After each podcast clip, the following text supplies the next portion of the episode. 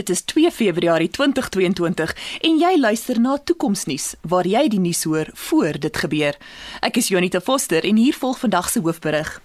Frankryk het pas aangekondig dat alle intellektuele eiendom gekoppel aan bekende landmerke en vername kunswerke aan 'n heffing onderworpe is. Hierdie heffing moet van nou af betaal word deur enige iemand wat dit reproduseer in 'n virtuele wêreld.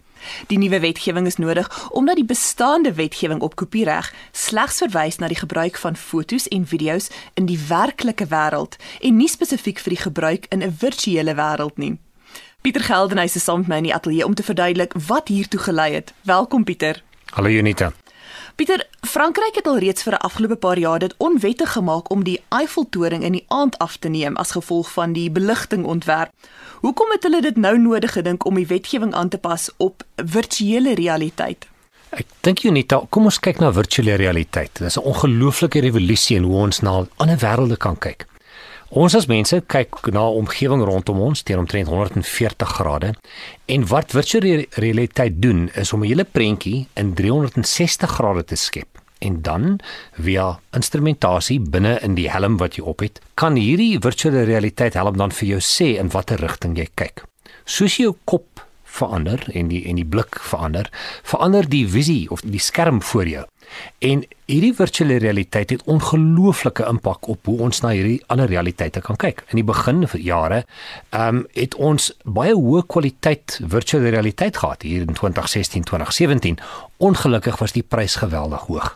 Daar was ook goedkoper weergawe, die die Google element waar jy 'n uh, eenvoudige virtuele realiteit helm kon skep, die uit karton uit en dan jou slimfoon daarin te plaas. Die probleem was dat jy so 'n bietjie uh, bewegingssiekte gehad het want dit was nie 'n baie goeie ontwerp nie. Maar in 2018 het die prys van hoë kwaliteit virtuele realiteit helms geval na 200 dollar toe en dit het 'n hele revolusie veroorsaak in die hoeveelheid mense wat virtuele realiteit gebruik. En daarin ook het ons gesien dat kunsmuseums en plekke wat jy sou besoek in ander lande is dan in hierdie virtuele realiteit uitgebeeld. Die voordeel wat jy natuurlik kon hê, is in plaas van om 'n hele paar ure op 'n vlug te sit, kon jy 'n paar dollar betaal en jy kon dan na enige kunsmuseum toe gaan en stap na stap na al die kunswerke kyk.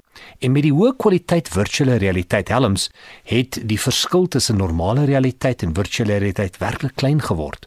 En al hoe meer en meer mense het nou na kunsmuseums toe gegaan in die virtuele wêreld wat dan ook gereflekteer is in die werklike wêreld.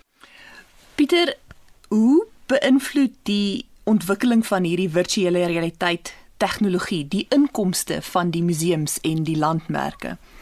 'n Hele klomp regerings het gesê maar wag 'n klein bietjie ons toerisme is gebou rondom landmerke en museums en nou kan mense deur 'n paar dollar te betaal al hierdie wonderlike kunstskatte besigtig in 'n virtuele wêreld. En hulle het gesê ons verloor inkomste omdat ons iemand nie meer in persoon na hierdie museums toe gaan nie. En dit is hoekom die wetgewing daar geposisioneer is. Frankryk veral wat geweldig baie inkomste kry uit toerisme en veral toerisme rondom kunstskatte, het gesê indien jy ons kunstskatte in virtuele wêrelde gebruik, gaan jy van nou af 'n intellektuele eiendom taks of belasting moet betaal. Dankie Pieter. Frankryk is die eerste land wat hierdie wetgewing ingestel het, maar dit word verwag dat verskeie ander lande wat vername kunswerke en landmerke het, binnekort soortgelyke wetgewing ook sal instel.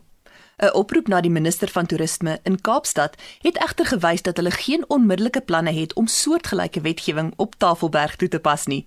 As jy dus beplan om 'n virtuele toer deur die museums van die wêreld te doen, doen dit gou, want binnekort gaan virtuele toere heelwat duurder wees. Dit was Pieter Geldenhuys en Jonita Foster vir Toekomsnuus waar ons die moontlikhede van die toekoms ondersoek.